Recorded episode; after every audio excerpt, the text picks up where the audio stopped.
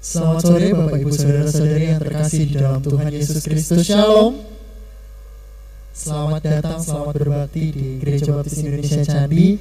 Saya menyambut juga untuk Bapak Ibu Saudara-saudari yang uh, saat hari ini bergabung dalam live streaming di uh, channel YouTube uh, GBI Candi. Selamat datang, selamat berbakti bersama kami.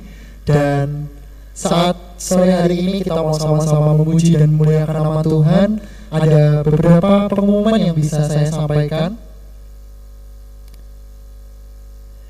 Untuk yang pertama, untuk petugas minggu depan bisa uh, memperhatikan di buletin, bisa mempersiapkan diri dan selamat melayani.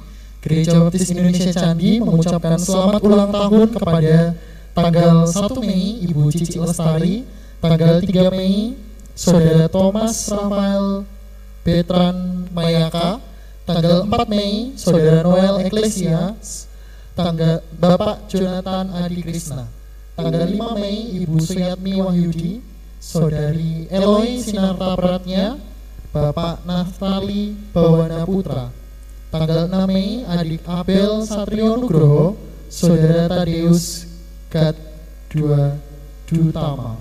Selamat ulang tahun, panjang umur Tuhan Yesus memberkati. Mari saya persilahkan Bapak Ibu Saudara-saudari untuk boleh bersaat teduh sejenak mengucap syukur kepada Tuhan untuk berkatnya sampai hari ini.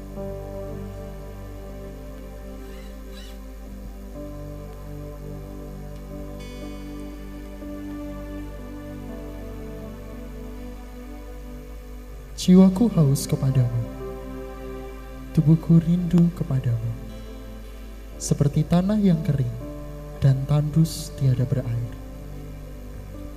Demikianlah aku memandang kepadamu di tempat kudus, sebab kasih setiamu lebih daripada hidup. Demikian aku memuji engkau seumur hidupku dan menaikkan tanganku demi namamu. Diam di hadiratmu akan mengawali kita untuk bersekutu kepada Tuhan pada sore hari ini. Saya undang Bapak Ibu Saudara-saudari untuk boleh berdiri. Mari kita pujikan diam di hadiratmu.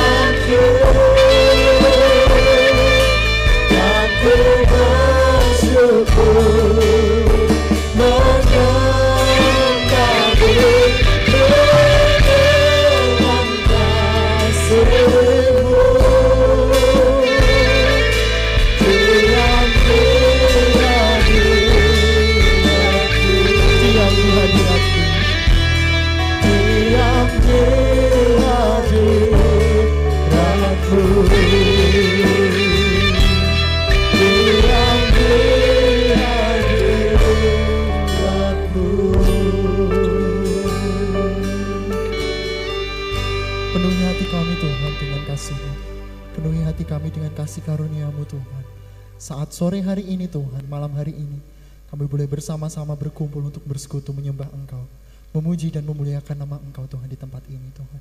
Terima kasih Tuhan Yesus itu semua karena kasih dan karunia-Mu Tuhan. Biar Kau yang berotoritas dalam setiap jalannya ibadah kami dari awal pertengahan hingga akhirnya Tuhan. Ibadah ini kami serahkan di dalam nama Tuhan Yesus. Ampuni Tuhan segala dosa dan kesalahan kami yang kami lakukan baik dalam pikiran, perkataan maupun perbuatan kami Tuhan. Kami tahu Tuhan kami tidak layak di hadapan Engkau namun karena kasih-Mu Kau yang sanggup melayakkan kami Tuhan agar kami boleh selalu berkenan di hadapan-Mu Tuhan. Terima kasih Tuhan Yesus, ini doa ucapan syukur dan permohonan kami. Kami naikkan di dalam nama Tuhan Yesus, kami berdoa dan mengucap syukur. Haleluya. Amin. Masih tetap berdiri, saya mau Nah, kita semua menyampaikan selamat hari Minggu. Tuhan Yesus memberkati kepada setiap teman di kanan kiri kita dan berikan senyuman yang terbaik sore ini.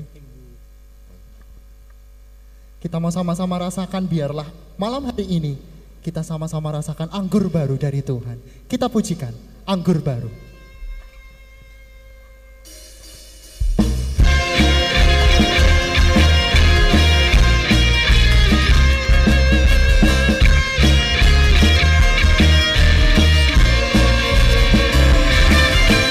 Roh Kudus tercurah di tempat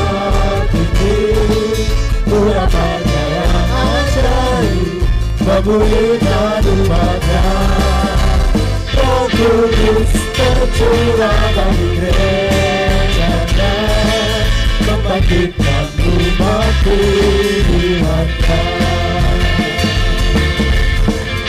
Aina, Aina, Aina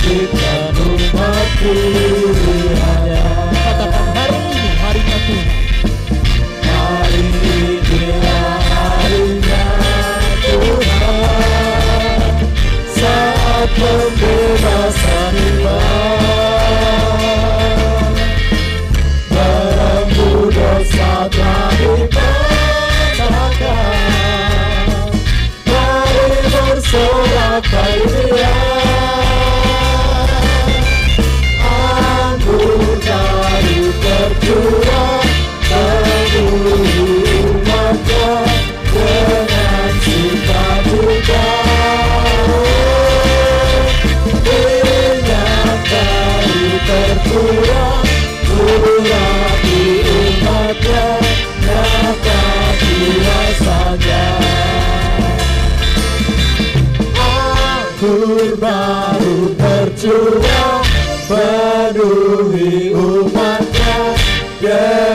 sukacita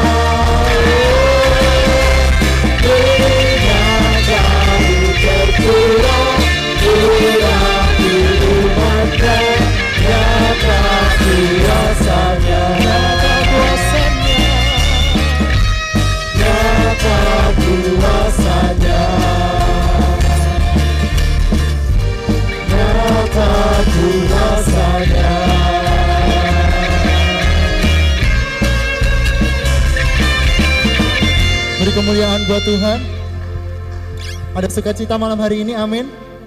Kita mau sama-sama bersorak bagi Tuhan. Kita mau sorakan hosana, sebab Tuhanlah yang layak ditinggikan. Bersorak.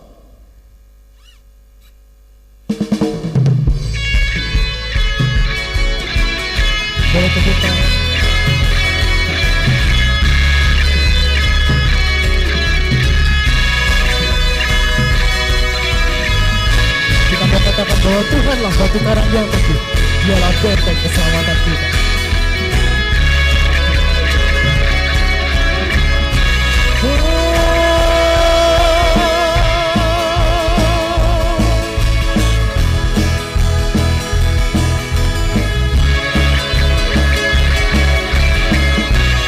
Kau batu karang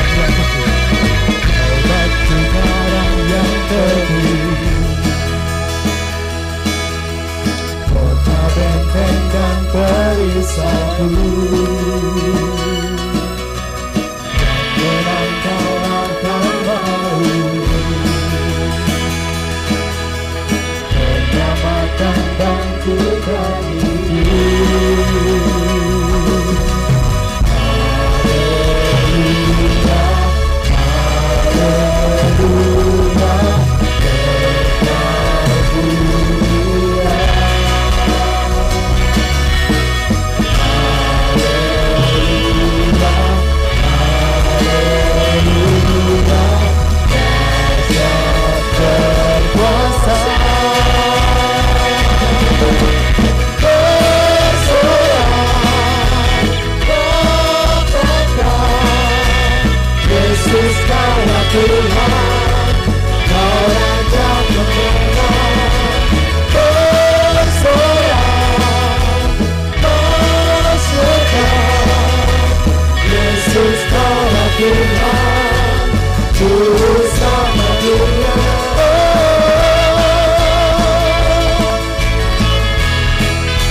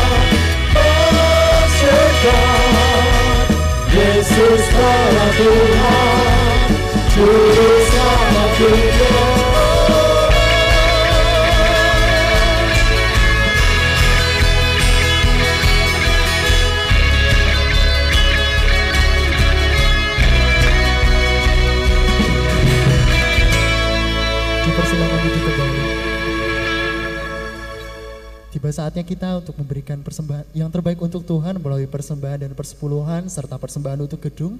Doa persembahan akan dipimpin oleh saudara Dwi Yusuf. Mari kita berdoa. Sungguh kami mengucap syukur Tuhan, Tuhan sudah kumpulkan kami tempat ini untuk kami boleh beribadah bersama-sama, untuk kami boleh memuji, menyembah dan memuliakan nama Tuhan.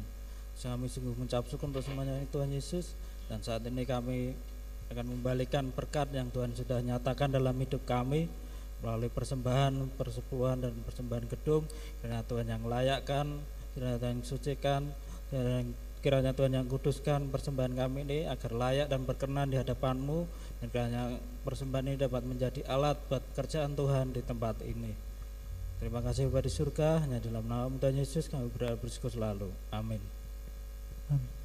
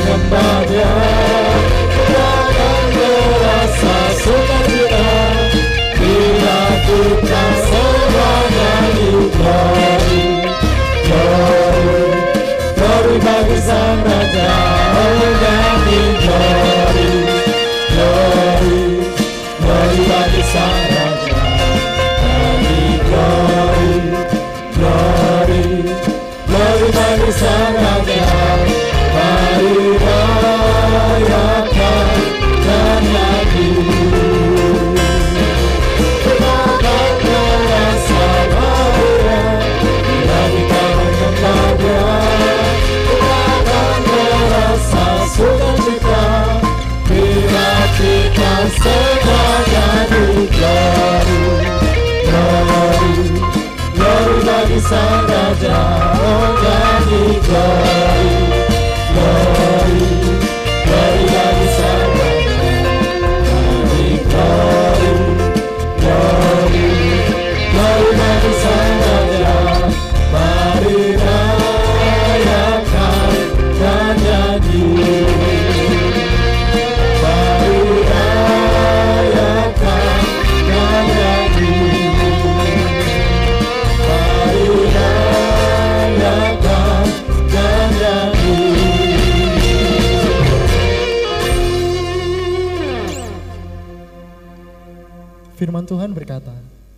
Kita memiliki lidah seorang murid dan telinga yang selalu dipertajam.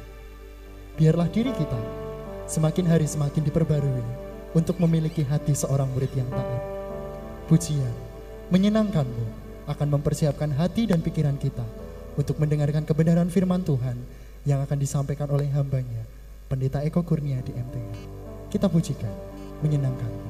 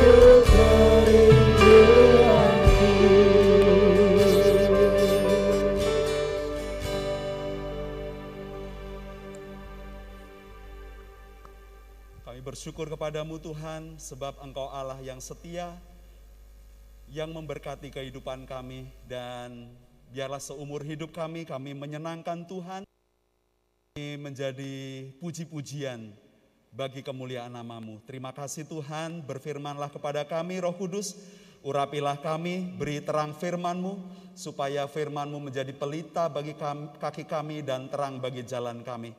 Kami bermohon urapanmu di dalam nama Tuhan Yesus Kristus kami berdoa. Amin. Silakan duduk kembali, saudara-saudara. Shalom, selamat malam. Mari kita akan buka Alkitab kita dalam Yesaya 50 ayat 4 sampai dengan ayat yang ke-11.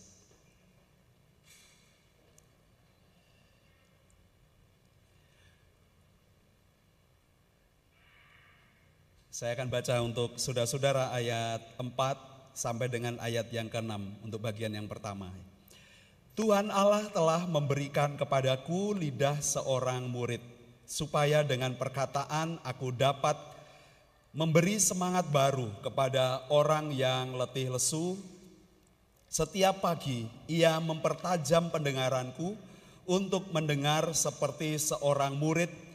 Tuhan Allah telah membuka telingaku dan aku tidak memberontak, tidak berpaling ke belakang. Aku memberi punggungku kepada orang-orang yang memukul aku, dan pipiku kepada orang-orang yang mencabut janggutku. Aku tidak menyembunyikan mukaku ketika aku dinodai dan diludai. Saudara-saudara, eh, Alkitab memberitahukan kepada kita eh, tentang kita sebagai seorang murid, kita harus menjadi seorang murid. Dalam kitab Yesaya ini mengatakan supaya kita memiliki lidah seorang murid dan yang kedua adalah mendengar seperti seorang murid. Nah saudara kalau ada eh, pasti saudara yang pernah sekolah, yang pernah mau lulus biasanya disuruh eh, internship atau magang ya, eh, belajar untuk bekerja. Kalau itu mahasiswa biasanya KPPM atau kuliah praktek. Nah itu mempraktekkan ilmu yang pernah dia dengar, yang pernah dipelajari, kemudian dilakukan. Nah biasanya dalam magang atau internship ini ada uh, istilah yang namanya uh, muridnya disuruh demo. Setelah mereka melihat, mereka diberi instruksi, diajarin berbagai macam tekniknya, kemudian diajar berbagai macam konteks dalam pekerjaannya, dan kemudian mereka didampingi untuk mengerjakan. Setelah itu mereka sendiri yang mengerjakan, saya yang melihat. Setelah itu saya pergi, orangnya yang magang itu bekerja sendiri. Saudara-saudara itu yang namanya magang. Ada demonstrasi. Seorang murid saudara-saudara, dia diminta oleh firman Tuhan kalau dalam kitab Yesaya ini supaya dia mempunyai sebuah lidah seperti seorang murid. Saudara, bagian yang pertama yang ingin saya sharing kepada Anda bahwa tulisan Yesaya ini, nubuat Yesaya ini diberikan kira-kira uh, eh, 700 tahun sebelum Masehi. Dan ini menjadi patokan karena banyak hal yang disampaikan Yesaya itu berbicara tentang Yesus dan kitab Yesaya ini kitab kitab yang yang sentral karena waktu penemuan Alkitab saudara-saudara karena tersebar tulisan-tulisan kitab suci dan semua kitab-kitab itu dibandingkan dengan kitab Yesaya. Jadi kitab ini sangat penting saudara dan apalagi hari ini kita belajar menjadi seorang hamba yang taat yang dimaksudkan oleh Yesaya di dalam teks ini adalah Yesus sendiri saudara-saudara dia adalah teladan menjadi hamba yang taat. Kita juga saudara kita mengikut Tuhan kita belajar menjadi seorang Kristen yang taat. Hidup sebagai seorang Kristen seperti seorang murid yang punya lidah seorang murid dan mempunyai telinga yang mendengar sebagai seorang murid. Saudara, bagian yang pertama yang akan kita uh, pelajari bersama, yang pertama ayat yang keempat itu saudara bagian yang A, bahwa Tuhan menginginkan kita mempunyai lidah seorang murid. Seorang murid seperti yang di pendaulan saya bilang bahwa seorang murid dia punya tugas untuk bertanya. Maka di dalam dunia pendidikan seorang yang mengajar itu selalu memberi kesempatan kepada murid untuk bertanya. Lidah seorang murid itu adalah lidah yang harus bertanya. Kemudian yang kedua, fungsinya mereka harus mengulang, saudara-saudara. Mengulang apa yang diajarkan. Jadi kalau kita menghafalkan pasti kita mengulang terus menerus dengan perkataan demimil ya. Orang bilang jadi dihafal kayak ke mana aja di diucapkan saudara-saudara. Itu lidah seorang murid. Nah Tuhan ingin kita memiliki lidah seorang murid lidah yang selalu bertanya kepada Tuhan lidah yang mendemonstrasikan dialog kita kepada Tuhan lidah yang mendemonstrasikan bagaimana kebenaran firman Tuhan ada di mulut kita Saudara perhatikan yang pertama di bagian ini adalah lidah kita diberi perkataan yang benar. Lidah kita, perkataan-perkataan kita diberikan perkataan yang baik dan perkataan yang benar. Perkataan kita saudara-saudara itu diilhami oleh setiap firman yang pernah kita dengar. Lidah kita itu berbicara tentang perkataan-perkataan yang akan kita sampaikan kepada orang.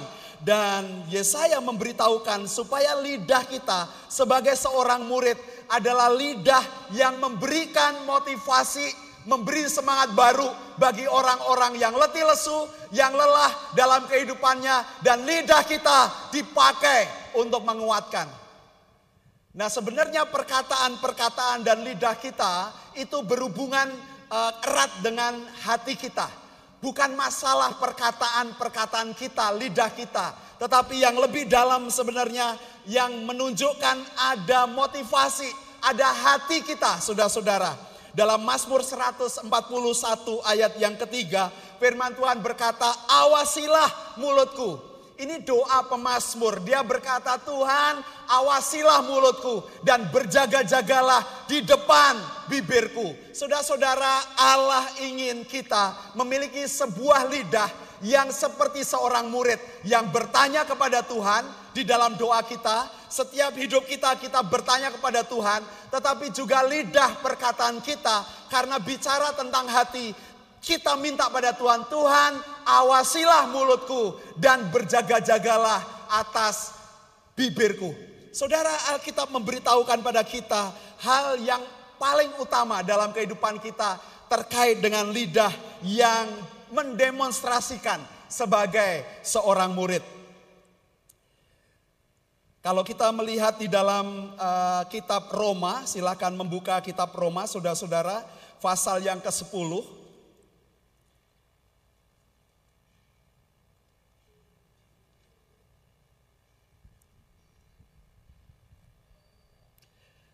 Kitab Roma pasal yang ke-10 ayat yang ke-8. Tetapi apakah katanya ini? Firman itu dekat kepadamu, yakni di dalam mulutmu dan di dalam hatimu. Itulah firman iman yang kami beritakan. Saudara-saudara, lidah seorang murid adalah lidah yang mengulang firman. Lidah seorang murid adalah lidah yang mengulang perkataan-perkataan Tuhan atas hidup kita, mengulang perkataan-perkataan Tuhan untuk bagaimana kita bersikap, mengulang perkataan-perkataan Tuhan untuk supaya iman ada di dalam hati kita. Lidah seorang murid, saudara-saudara, akan menolong kita untuk membangkitkan motivasi baru, dorongan baru, semangat baru, dan diberi oleh Tuhan. Dan dikatakan ini mendemonstrasikan iman. Saudara-saudara betapa sangat berkuasanya lidah. Yakobus mengingatkan pada kita bahwa lidah itu menunjukkan supaya kita bisa punya kendali atas kehidupan kita. Dalam Yakobus 3 ayat yang kedua, kalau orang bisa menguasai lidah, itu adalah orang yang sempurna. Kitab Yakobus mengingatkan memberi banyak gambaran terkait dengan lidah lidah itu seperti api yang kecil saudara-saudara, tetapi dia bisa membakar hutan yang luas dan besar. Dia itu seperti kekang saudara-saudara yang ada di mulut kuda untuk mengendalikan keliaran binatang itu. Lidah itu adalah lidah alat lidah kita, alat bunyi kita yang kecil tetapi dia bisa menggoncangkan dunia. Saudara perang di Ukraina itu karena lidah saudara-saudara, karena perkataan ya. Orang kalau misalnya berdebat nggak mau di diungguli ya selalu berdebat dengan hal ini. Dan orang bicara tentang uh, lidah, perkataan-perkataan. Ya kalau Anda tahu di jalanan banyak orang bisa marah karena kehidupan kita. Ya karena mungkin cara kita berkendaraan dan orang mengeluarkan perkataan yang mungkin menyakitkan kita dan bisa dikenang sampai hari ini. Saudara-saudara karena lidah. Lidah harus kita kuasai saudara-saudara. Orang yang bisa menguasai lidah adalah orang yang sempurna. Kitab Yakobus mengatakan demikian. Dan inilah yang dipakai oleh Tuhan untuk menjadi teladan bagi hidup kita. Dia saudara-saudara perkataan kita sebenarnya uh, mungkin dalam kebanyakan kita berkata uh, jangan berkata yang buruk. Misalnya yang buruk itu artinya menegur, memarahin, memberikan nasihat. Itu itu baik saudara-saudara. Perkataan yang baik adalah perkataan yang benar. Amsal mengatakan lebih baik perkataan teguran yang terus terang daripada puji-pujian yang sembunyi-sembunyi. Kebanyakan kita kalau memuji orang itu setelah orang yang nggak ada baru kita memuji orang. Tapi kalau di depannya kita nggak pernah memuji, ya kan? Kalau kita ada di depan uh, mereka ngobrol, kita tidak pernah memuji saudara-saudara. Tapi biasanya memuji orang setelah orangnya mati, baru kita mengeluarkan surat-surat pujian kepada mereka. Saudara, betapa kita harusnya terbalik dalam kehidupan kita. Waktu mereka masih ada bersama dengan kita, saudara-saudara, lidah kita dipakai untuk memberikan semangat baru, motivasi. Sehingga di dalam Yesaya mengatakan bahwa kalau perkataan kita banyak dengan firman, perkataan kita ada otoritas firman, maka siapa yang bisa membantahnya? Saudara membaca misalnya ayat yang ke-9, ke-10, siapa yang bisa berbantah? Siapa yang bisa membantah perkataan orang-orang yang dipenuhi dengan otoritas firman Tuhan. Lidah kita dipakai oleh Tuhan menjadi lidah seperti seorang murid yang mendemonstrasikan iman. Saudara yang kedua, Tuhan ingin memberikan pada kita juga telinga yang peka, yang cakap mendengar dan mendengar suara Tuhan. Pak Pendeta gimana caranya saya mendengar suara Tuhan? Bagaimana saudara sebagai orang Kristen mendengar suara Tuhan?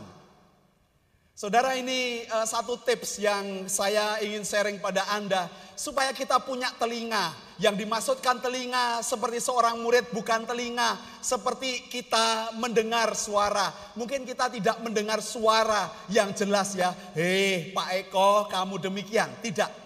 Tetapi Tuhan memberikan hati kita yang baru. Dalam 2 Korintus 3 saudara-saudara ayat yang ketiga firman itu akan dituliskan di dalam loh hati kita. Waktu Anda membaca firman, firman itu ada di dalam mulut Anda dan waktu Anda membaca firman, membacakan firman kepada jiwa Anda, membaca firman dan firman itu menulis di dalam loh hati Anda. Firman itu akan memenuhi hati Anda dia akan mengcreate, menciptakan di dalam hati Anda. Firman yang Anda baca, firman yang kita ucapkan dengan lidah kita akan tertanam dan terlukiskan di dalam loh hati Anda. Itu alasan bahwa kita punya telinga yang mendengar karena loh hati kita ditulis oleh firman dan kita bicara memperkatakan firman dan firman itu ditulis di dalam hati kita dan waktu kita berdoa, waktu kita berjalan dalam kehidupan kita saudara-saudara, dengarlah dia hati kita membentuk kesaksian batiniah kita. Saudara itu yang dimasukkan oleh Paulus bahwa mungkin dagingku akan merosot, jasmaniaku akan merosot, tetapi manusia batiniaku semakin kuat. Saudara itu yang dimaksudkan memiliki kesaksian batiniah yang kuat. Waktu kita memiliki kesaksian batiniah yang kuat, maka telinga Anda secara rohani akan diberi oleh Tuhan dibuka oleh Tuhan. Waktu Anda membuka telinga kepada Tuhan, suara kebenaran di dalam batin Anda karena firman sudah ada dan menciptakan di dalam batinnya Anda kesaksian batin. Dia akan berbicara kepada kita dan firman yang berkata kepada kita, kita harus cross check saudara-saudara, apakah suara batin kita adalah suara firman Tuhan. Saudara kita berkata, uh, kita bisa, oh batinku berkata. Tetapi kalau batinnya tidak diisi oleh firman saudara-saudara, maka hatimu kita kosong dengan kebenaran. Saudara bisa mengulang lagi membaca di dalam Roma pasal yang ke-10 tadi. Roma pasal yang ke-10 sekarang ayat yang ke-17. Jadi iman timbul dari pendengaran. Kalau iman timbul dari pendengaran saudara-saudara itu artinya ada lidah yang harus menggetarkan ya. Ada lidah yang harus menghasilkan uh, bunyi. Ada lidah yang memperkatakan firman karena iman timbul dari pendengaran. Telinga kita dibuka oleh Tuhan supaya kita mendengar suara Tuhan. Dan bagian yang pertama tadi kita sudah diberitahukan firman itu dekat dengan mulutmu, yakni di dalam mulutmu dan di dalam hatimu. Lalu kalau Anda menghubungkan dalam ayat yang ke-17 dan pendengaran oleh firman Kristus. Saudara-saudara, ini yang membentuk kesaksian batiniah kita. Dan waktu kita berdoa, waktu kita berinteraksi dengan Tuhan, saudara mendengarkan suara firman yang ada dalam batin Anda, yang ada dalam hati Anda. Karena itu adalah petunjuk suara Tuhan, kesaksian batin kita yang Tuhan berkata-kata kepada kita. Dalam 2 Korintus pasal yang ketiga, silahkan membuka, ini salah satu ayat tema kita.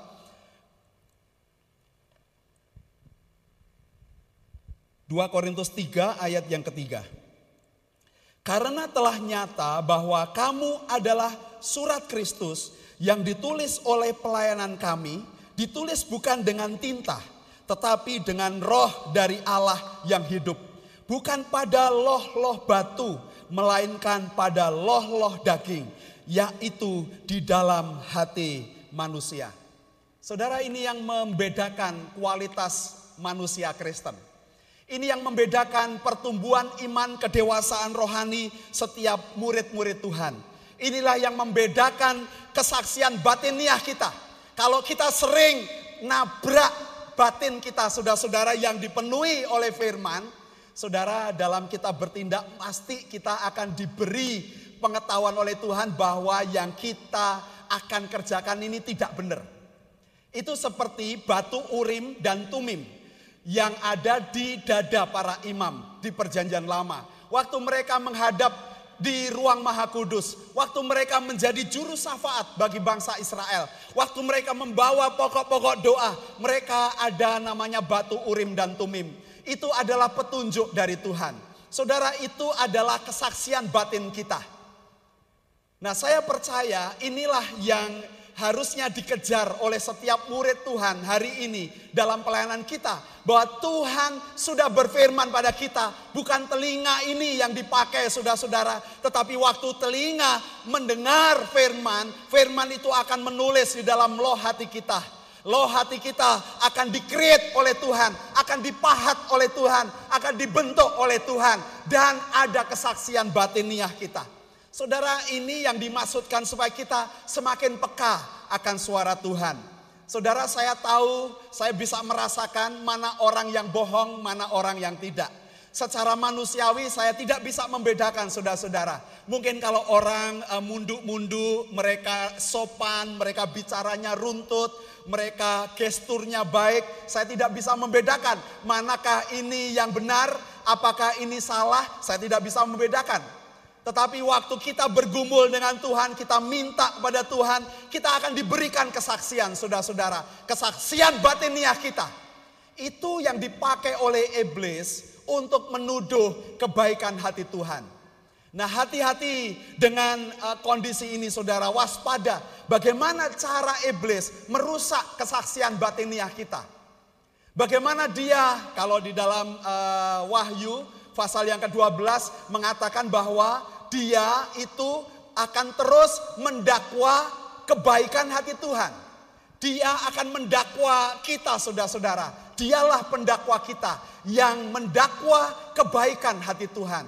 Nah, saudara, waktu kita ada dalam kondisi ini, kita harus tahu manakah yang harus kita uh, pentingkan, mana yang harus kita pilih. Kalau kita sudah mendengar firman, firman itu sudah ada di dalam hati kita, saudara-saudara. Firman membentuk kesaksian batiniah kita dan jangan dilanggar. Belajar untuk peka.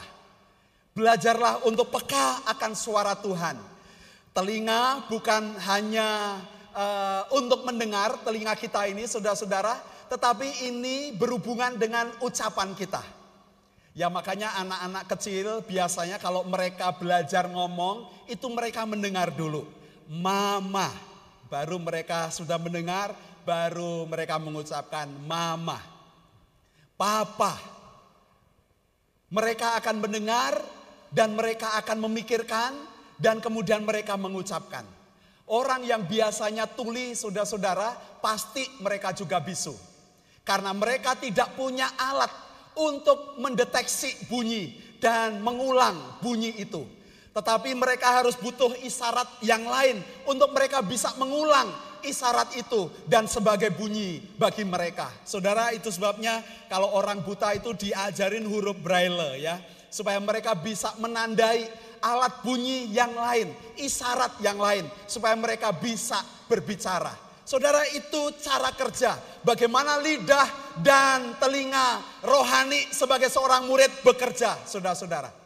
Sekali lagi, kalau kita hidup dengan uh, hati nurani yang murni, itu alasan di mana misalnya penulis Ibrani uh, berkata dalam Ibrani pasal yang ke-13 ayat 10 sampai ayat yang ke-13 atau ayat yang ke-17, 18 mereka berkata tentang pemimpin-pemimpin, gembala-gembala.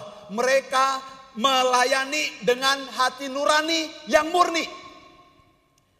Orang-orang seperti saya, saudara-saudara, harus memiliki hati nurani yang murni, hati nurani yang diilhami oleh firman. Dan harusnya itu menjadi setiap kita punya kualitas hati nurani yang benar. Kesaksian batiniah yang kuat itu saudara-saudara bisa akan terproyeksi. Jadi itu seperti orang kalau misalnya orang karismatik mengatakan itu seperti orang yang uh, punya penglihatan. Ya. Mereka bisa melihat, mereka bisa me mengetahui dunia roh, saudara-saudara. Tetapi kalau Anda punya kesaksian batiniah yang kuat, firman bicara kepada Anda, Anda diberikan kesaksian yang kuat melalui batiniah Anda dan Anda belajar untuk taat. Saudara-saudara, di sini yang dimaksudkan oleh Tuhan supaya Tuhan yang membuka telinga Anda. Yesaya mengatakan, waktu kita membuka telinga kita, kita diajar untuk tidak memberontak. Jadi diajar untuk taat. Dengan kesaksian batiniah kita. Dengan hati kita. Nah kadang kita itu terlalu banyak alasan ya. Kalau ingin e, melakukan sesuatu, ya kita tidak ngomong jujur tentang sesuatu, tapi kita belok sana sini sana sini, baru sebenarnya maksudnya itu. Karena itu kebiasaan kita, pengennya e, sopan ya, mungkin demikian. Tetapi kalau kita uh, demikian, maka kita sering akan bertentangan dengan batin kita, saudara-saudara. Kalau kita sering bertentangan dengan batin kita, maka suara batinmu akan semakin lemah. Karena kita tidak belajar untuk taat. Kalau berdoa itu baik dan benar, saudara-saudara, diikuti. Tetapi kalau kita biasa menentang, biasa memberontak, oh ya, saya tahu bahwa berdoa itu baik dan benar, tapi kita tidak lakukan. Maka suara kesaksian batiniahnya semakin sempit, semakin kecil, saudara-saudara. Suaranya semakin kecil. Waktu dia teriak-teriak, saudara, kita tidak dengar. Waktu dia menjerit, kita tidak dengar. Lah batinnya sendiri aja tidak didengar, apalagi jeritan jiwa yang minta tolong. Apalagi orang-orang di sekitar kita yang memerlukan belas kasihan, batinnya sendiri saja tidak didengar. Saudara-saudara, supaya kita punya kesaksian batinnya yang benar dan kuat, maka belajar seperti uh, Yesaya, seperti hamba yang taat, dia berkata bahwa hamba ini telinganya semakin dibuka oleh Tuhan dan dia tidak memberontak. Dan kemudian yang lain dia berkata bahwa dia tidak menoleh ke belakang. Saudara ini seperti Paulus berkata dalam kitab Filipi uh, pasal yang ketiga, aku berlari-lari kepada tujuan. Aku melupakan apa yang di belakangku dan berlari-lari mengarah kepada panggilan, yaitu panggilan sorgawi. Saudara, kesaksian batiniah kita hanya satu treknya, memimpin kita kepada trek panggilan sorgawi.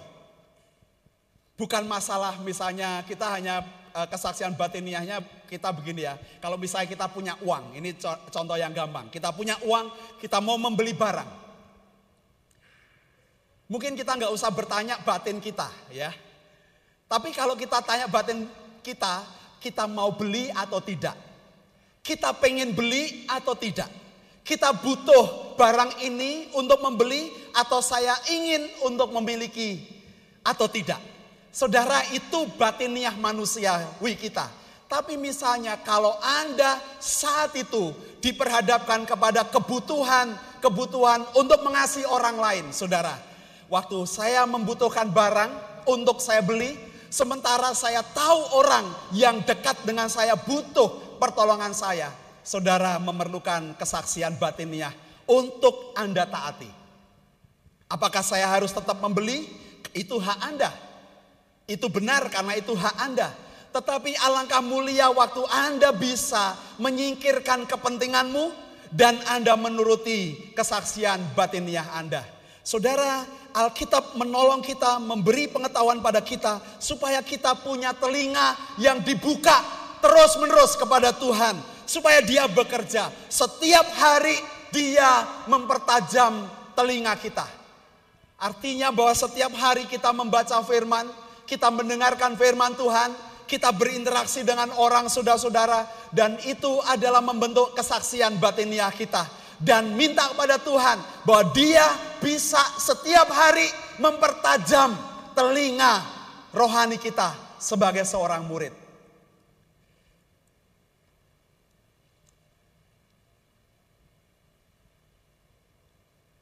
Belajar untuk taat, saudara-saudara. Gurionanya itu uh, di depan pom bensin Jalan Kaligarang itu di seberangnya ada ruko, toko ya alat kesehatan jualnya menjual alat bantu dengar. Ya, men, menjual alat bantu dengar. Kalau di depan itu kalau sudah pernah lihat ya, di depan pom bensin di Jalan Kaligarang itu ya. Kalau kita menemui, kita kalau tidak taat saudara-saudara, kalau anakmu tidak taat, kalau temanmu tidak taat kebenaran, tolong beli alat kesehatan itu ya. Tolong berikan pada ini alat bantu dengar. Supaya kamu ngerti. supaya kamu dengar.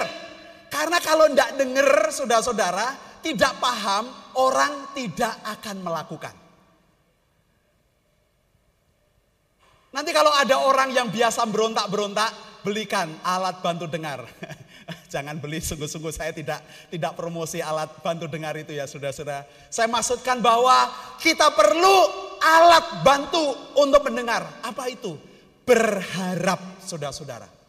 Kita punya pengharapan untuk selalu mendengar suara Tuhan. Kalau kita tidak berharap, maka kita tidak akan pernah mencari. Saudara ini kuncinya. Ini tombol power on-nya.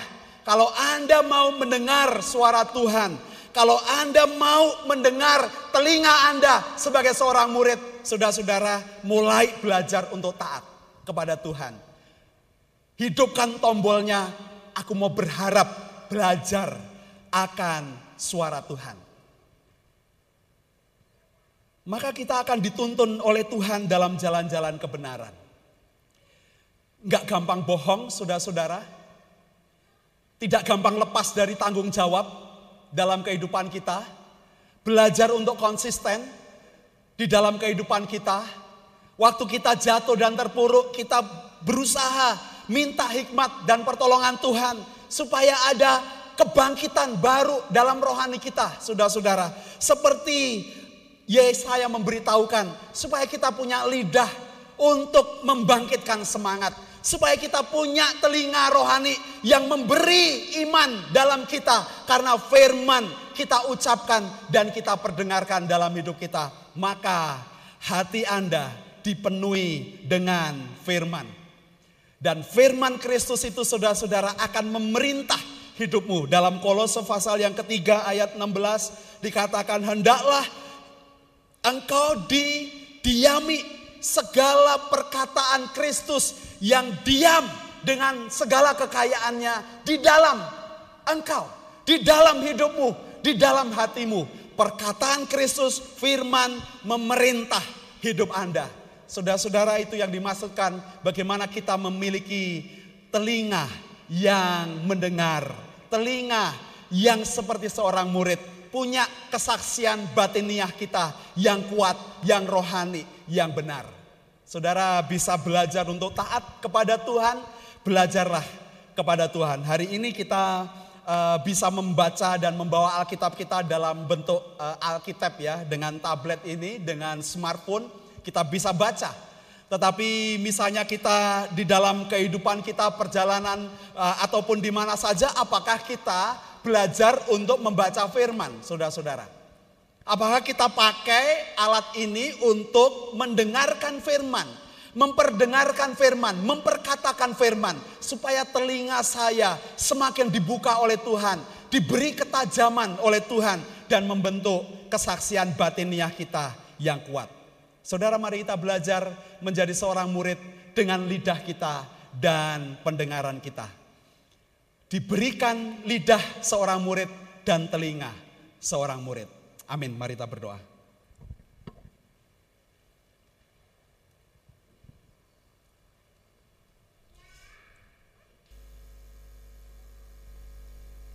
Saya berikan kesempatan pada saudara, mungkin ada yang ingin didoakan secara pribadi, saudara-saudara. Ada saya, ada pendeta muda Bayu siap berdoa untuk Anda. Mungkin ada silakan ke depan dan kami memberi kesempatan sesaat untuk saudara bisa bersama mengambil komitmen untuk kita berdoa bersama.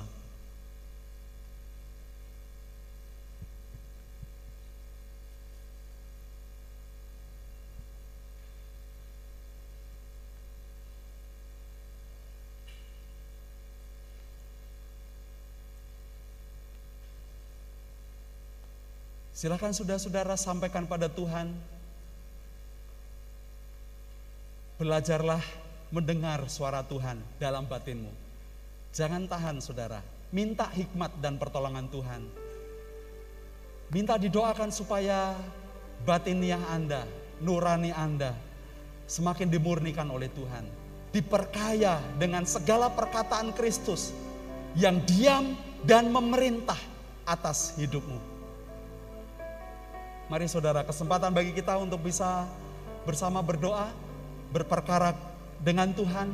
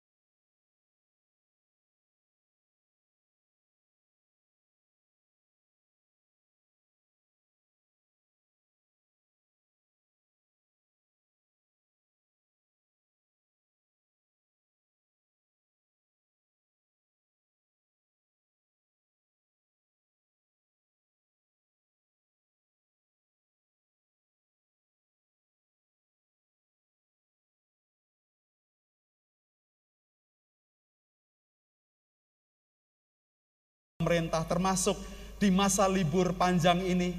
Kami mohon Engkau akan memberkati supaya uh, kedisiplinan dalam protokol kesehatan diterapkan oleh seluruh rakyat Indonesia di masa ini supaya tidak ada lonjakan angka yang terpapar virus corona dan kami mohon hikmat dan pertolongan Tuhan setiap aparat kami, fasilitas kesehatan yang berada di garda terdepan akan dipakai oleh Tuhan untuk menolong rakyat ini.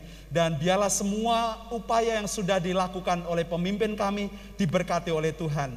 Kami juga berdoa untuk event internasional yang ada di negara kami dalam tahun ini, terutama dalam uh, bulan-bulan ini. Tuhan berkatilah uh, konferensi G20 Engkau akan memberkati pemimpin-pemimpin negara maju yang berkumpul di Indonesia dengan berbagai macam event dan delegasi dari luar negeri yang ada di Indonesia. Berkatilah supaya semua acara dapat berjalan dengan baik dan tuntas dan menghasilkan perbaikan bagi kehidupan dunia dan terutama untuk perdamaian di Ukraina. Tuhan kami mohon biarlah Engkau memberkati uh, Presiden Jokowi sebagai presidensi G20 untuk bicara tentang perdamaian di Ukraina. Pakailah dia sebagai pemimpin internasional untuk menolong uh, perbaikan perdamaian secara internasional dan biarlah tidak ada negara-negara yang menjadi provokator, menjadi sekutu, menjadi uh, kawan dalam perjuangan-perjuangan negara-negara yang sedang konflik. Mereka dapat meletakkan keegoisan mereka dan dapat mencari jalan damai dan kami mohon pertolongan dari Tuhan supaya dengan penyelenggaraan konferensi G20 di Indonesia dapat mencapai tujuan perdamaian dunia. Kami bersyukur Engkau memberkati semua proses dan semua persiapan yang dilakukan. Dan kami minta campur tangan Tuhan karena tanpa Engkau tidak ada yang berhasil. Dan kami mohon pertolonganmu Tuhan. Terima kasih Bapak, kami rindu sebagai gereja Tuhan untuk terus memberitakan Injil, menjadi kesaksian bagi banyak orang, dan orang-orang percaya menjadi teladan bagi orang lain dalam kehidupannya. Kami mohon biarlah berkatilah gereja ini melalui pelayanan sosial compassion PPA di gereja kami, pelayanan pendidikan dengan sekolah dari TK, eh, PAUD, TK, dan SD, Berkatilah pelayanan gereja kami dengan misi sosial dan penginjilan yang kami lakukan supaya Bapa Engkau akan memberkati. Biarlah kesempatan banyak jiwa-jiwa yang belum percaya bertemu dengan Tuhan, berinteraksi dengan kuasa Tuhan dan kebenaran di dalam firman-Mu. Terima kasih Tuhan, kami ingin menyerahkan syafaat kami ke tangan kuasamu di dalam nama Tuhan Yesus Kristus. Kami berdoa. Jemaat Tuhan pulanglah, bawalah berkat dan kasih sayang dari Bapa di dalam Tuhan Yesus Kristus dan Roh Kudus dengarkanlah dia maka dia akan memberitahukan jalan-jalannya kepadamu sehingga engkau diberkati. Diberkati dengan kasih dan sukacita. Kebajikan dan kemurahan Tuhan akan mengikutimu ke mana pun kau pergi. Engkau akan diberkati dengan kesehatan, perlindungan dari segala macam penyakit dan bahaya. Dia akan memberkatimu dengan anak-anak dan keturunanmu akan menjadi berkat bagi bangsa-bangsa. Dia akan memelihara kehidupanmu secara total dan melimpahkan rezeki dengan murah hati dan setiap tangan-tanganmu yang bekerja diberikan keberhasilan dan keberuntungan. Dan saksikanlah pada orang lain apa yang sudah Bapamu perbuat dalam kehidupanmu. Bapa yang engkau sembah itu sehingga orang dapat melihat perbuatan Bapamu yang baik. Dan mereka juga menyembah Bapamu yang di sorga. Terima kasih Tuhan Yesus inilah ibadah kami korban syukur dan puji-pujian kami naikkan untuk engkau saja Yesus Kristus kepala gereja kami dari sekarang sampai selama-lamanya haleluya Amen.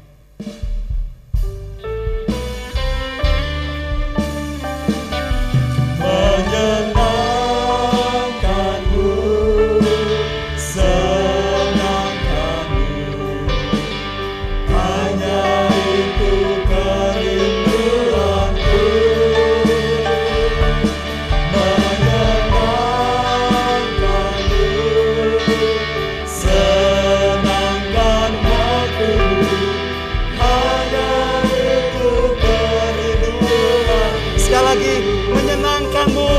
akan belajar